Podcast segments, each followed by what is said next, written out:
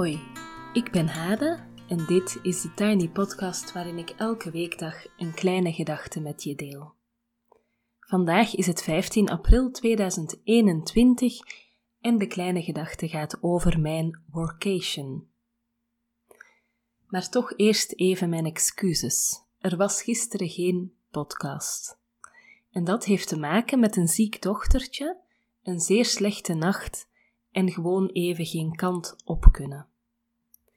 In niet-coronatijden zou je makkelijker even je kinderen bij de buurvrouw laten om toch even het hoogst, hoogst noodzakelijke te gaan doen, maar nu was dat bepaald geen optie.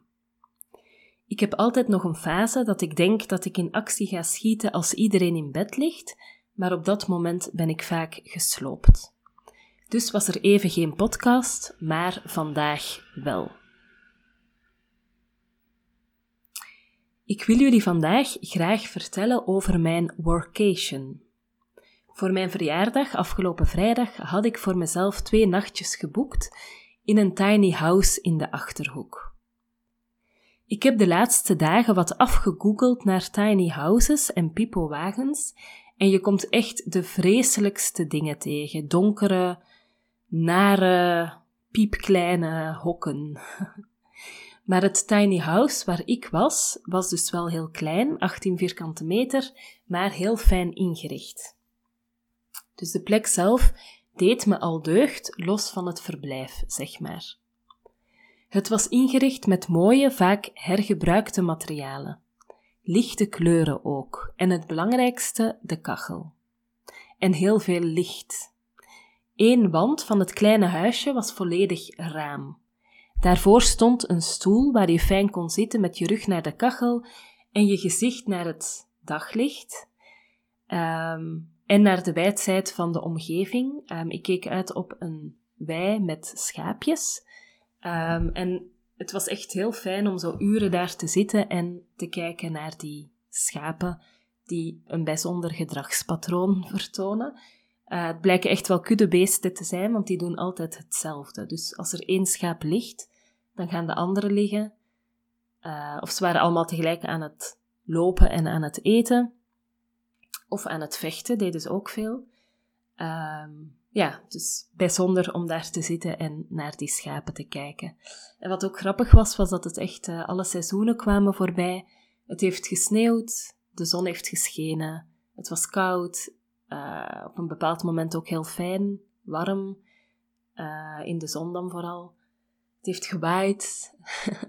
dus ja, was wel bijzonder om uh, zoveel te ervaren en mee te maken op ja, een kleine drie dagen.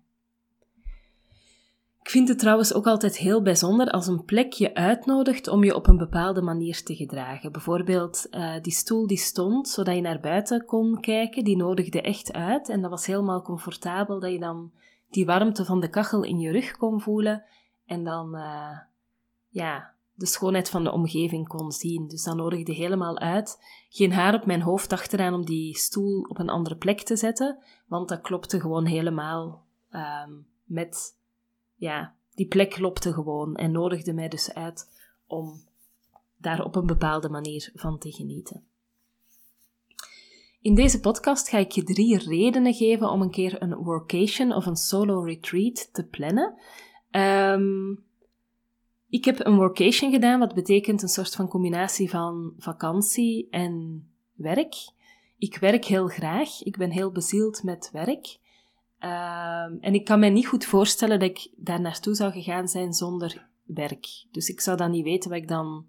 Nou ja, ik had dan vast een stapel boeken meegenomen, maar wat ik dan heel de dag daar gedaan zou hebben, dat is voor mij een beetje moeilijk. Um, maar ik kan mij ook wel voorstellen dat je een solo retreat doet uh, als je bijvoorbeeld graag handwerkt of heel graag leest of uh, weet ik veel wat. En dat je echt even de tijd neemt um, om dat ruimte te geven. Dus van mij hoef je niet op een workation, je kan ook gewoon een solo retreat doen. Um, en ik ga even drie redenen geven waarom dat heel fijn is.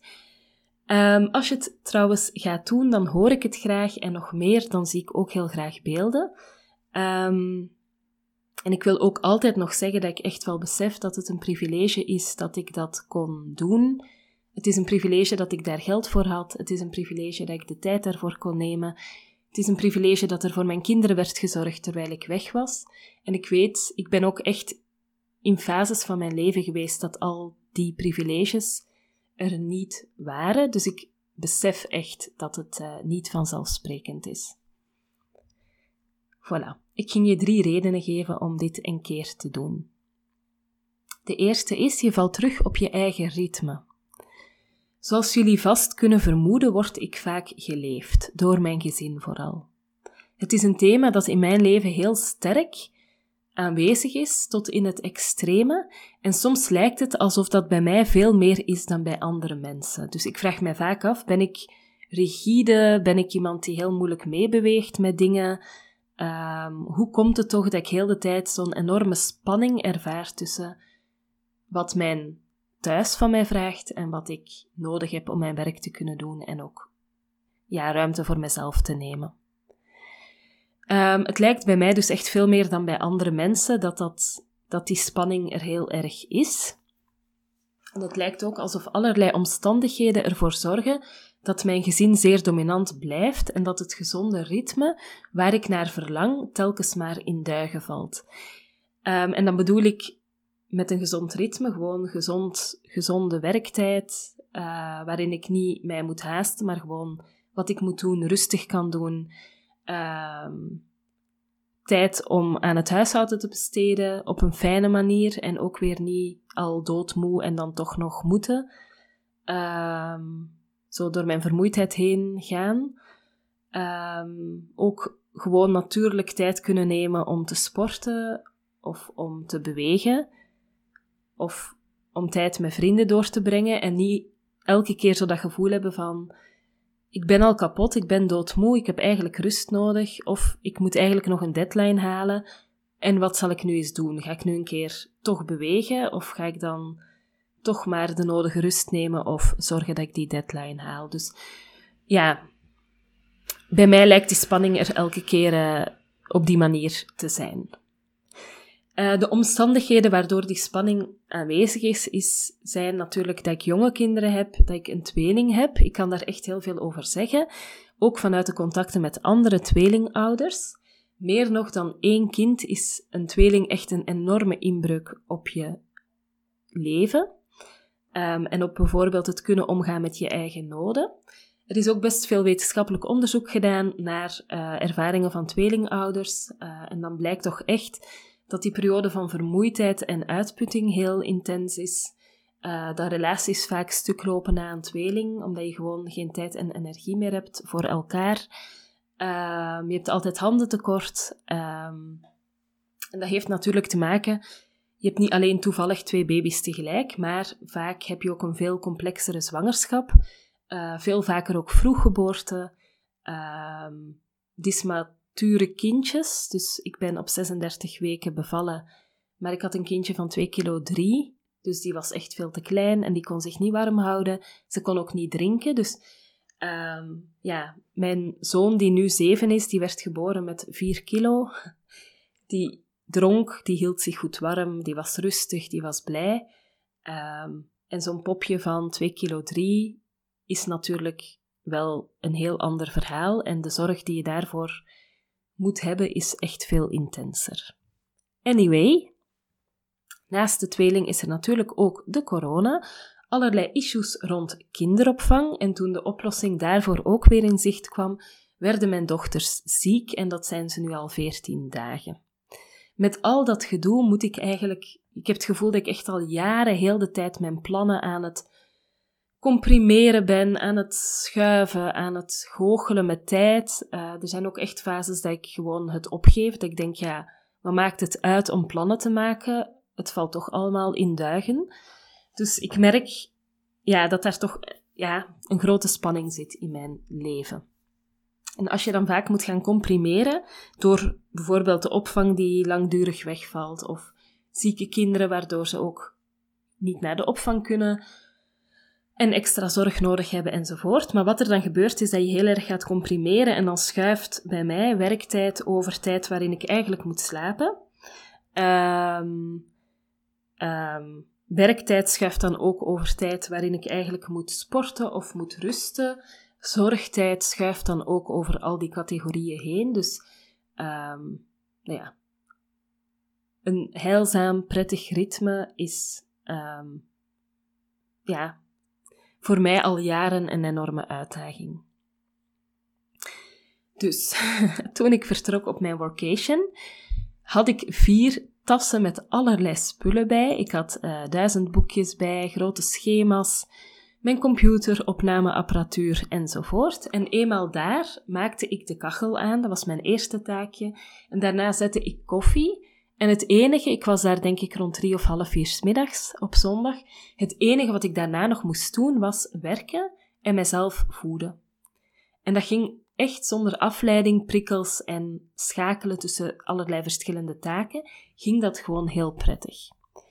Op maandag en dinsdag heb ik telkens vanaf half zes ochtends gewerkt. Op maandag tot half twee, op dinsdag tot half twaalf. En daarna ben ik erop uitgetrokken. Um, stadjes gaan bezoeken, op zoek naar koffie, wandelen, boodschappen voor het avondeten. Gewoon heel simpel. Um, en als ik dan avondeten had gegeten, dan waren de avonden er uh, zonder Netflix, uh, maar om gewoon naar buiten te kijken, ja, te luisteren naar een podcast. Vond ik echt heel fijn om bijvoorbeeld tijdens het eten te luisteren naar een podcast. Ehm, ik kon dan ook s'avonds wat lezen, dus ja, dat waren de activiteiten die ik kon doen. Veel meer was er ook niet mogelijk. En dat gaf mij eigenlijk een heel fijn gezond, heilzaam ritme, uh, wat met mijn gezin niet echt mogelijk is, want dan is alles veel complexer.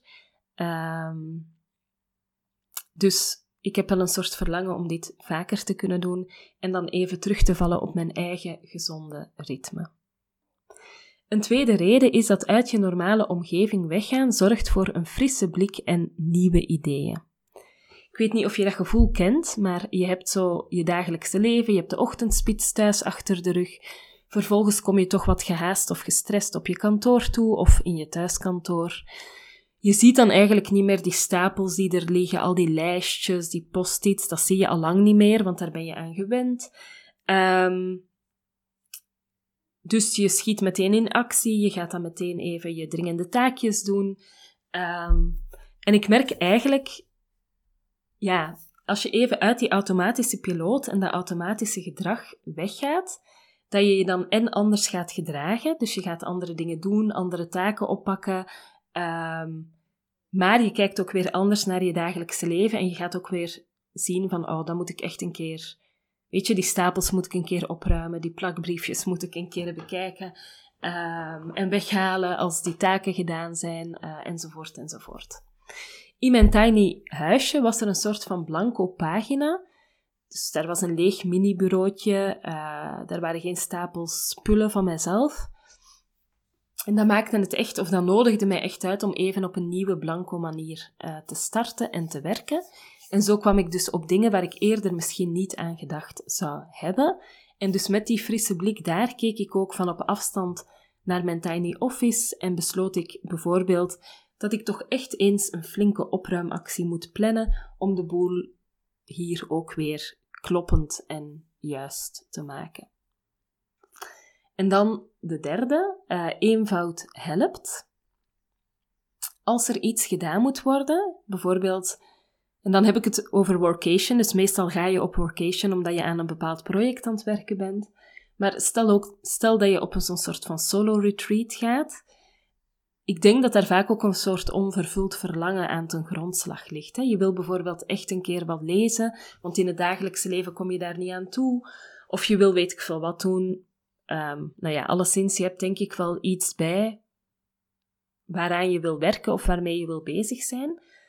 Um, en als er dus wat gedaan moet worden, helpt het enorm dat je geen huishouden moet runnen, behalve heel basic voor jezelf zorgen dat je eten hebt en dat je de afwas daarna weer doet. Dat je met niemand rekening moet houden, je weg niet moet vinden tussen duizend en één spullen enzovoort. Dus het leven daar was heel basic. Ik moest het vuur aanhouden. Ehm, ook heel fijn om zo af en toe mijn werk te onderbreken om een blokje hout op het vuur te gooien. Ik moest wel basically wat opruimen. Uh, ik moest eten en de afwas doen van mezelf. Maar als ik de afwas had laten staan, was het ook zo geweest, zeg maar. Uh, wat ik ook van mezelf moest, was elke dag douchen. Dat doe ik sowieso. Uh, maar alle andere ruis was weg.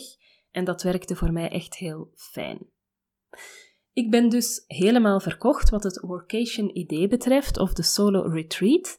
En ik denk dat het ook heel goed werkt om met één project op stap te gaan, zodat je je daar volledig op kan storten.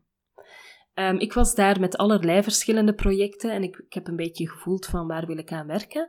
Maar ik denk als je een boek aan het schrijven bent of je hebt een grote subsidieaanvraag of wat dan ook, dat het dan heel goed kan werken om daar even ja, een flinke kickstart mee te maken door alleen dat ene project mee te nemen en dus alleen maar de optie te hebben om daarmee bezig te zijn. Nu, um, voor mij, mij trekt het heel erg aan om uh, bijvoorbeeld nieuwe cursussen te gaan ontwikkelen um, in zo'n soort van uh, workation. Maar het is natuurlijk zo dat mijn kinderen heel jong zijn, dat die het ook erg vinden als ik wegga. Ze missen mij uh, heel erg. Um, en dat is ook begrijpelijk, want voor hen is het ook nog moeilijk om in te schatten wanneer ik terugkom en of ik terugkom. Um, en de zorg komt dan natuurlijk ook bij Pieter terecht en dat is natuurlijk niet vanzelfsprekend. Dat is een stukje dat mij tegenhoudt om dit bijvoorbeeld maandelijks te gaan doen, maar eigenlijk zou ik dat wel echt heerlijk vinden en merk ik dat het ook heel goed is voor mijn mentale gezondheid. Voilà, tot daar de Tiny Podcast voor vandaag. Uh, morgen is er een uh, poëziepauze. Uh, en volgende week wil ik ook nog even vertellen, start de cursus De Vrouwen van Mijn Leven. die start op donderdag en dat is eigenlijk een cursus waarbij je onderzoek doet naar de vrouwen die jou gevormd en gevoed hebben in jouw leven. En je stelt je ook de vraag, um, hoe jij zelf wil zijn voor andere vrouwen, wie jij zelf wil zijn voor andere vrouwen uit jouw leven. Um, het is een cursus die ik samengeef met Tamara Leenaert. En het is een soort combinatie van online opdrachten doen, die lichaamsgericht zijn, reflectie, schrijven, creatieve opdrachten. En dus die vijf meetings waarin we dus met die andere vrouwen samen onder onze leiding in gesprek gaan over de thema's en de inzichten. Tot zover uh, de Tiny Podcast voor vandaag. Je kan me volgen op Instagram, TheTinyPodcast. Je vindt uh, bijvoorbeeld de cursus De Vrouwen van Mijn Leven vind je ook via de link in de show notes. Um, je kan je abonneren op de podcast, dan krijg je vanzelf de nieuwe afleveringen in je overzicht. Het helpt mij heel erg als je deze podcast aanraadt aan iemand anders, een keer doorstuurt uh, of deelt op social media. En voor nu wens ik je een heel fijne, goede dag en heel graag tot gauw. Alle goeds.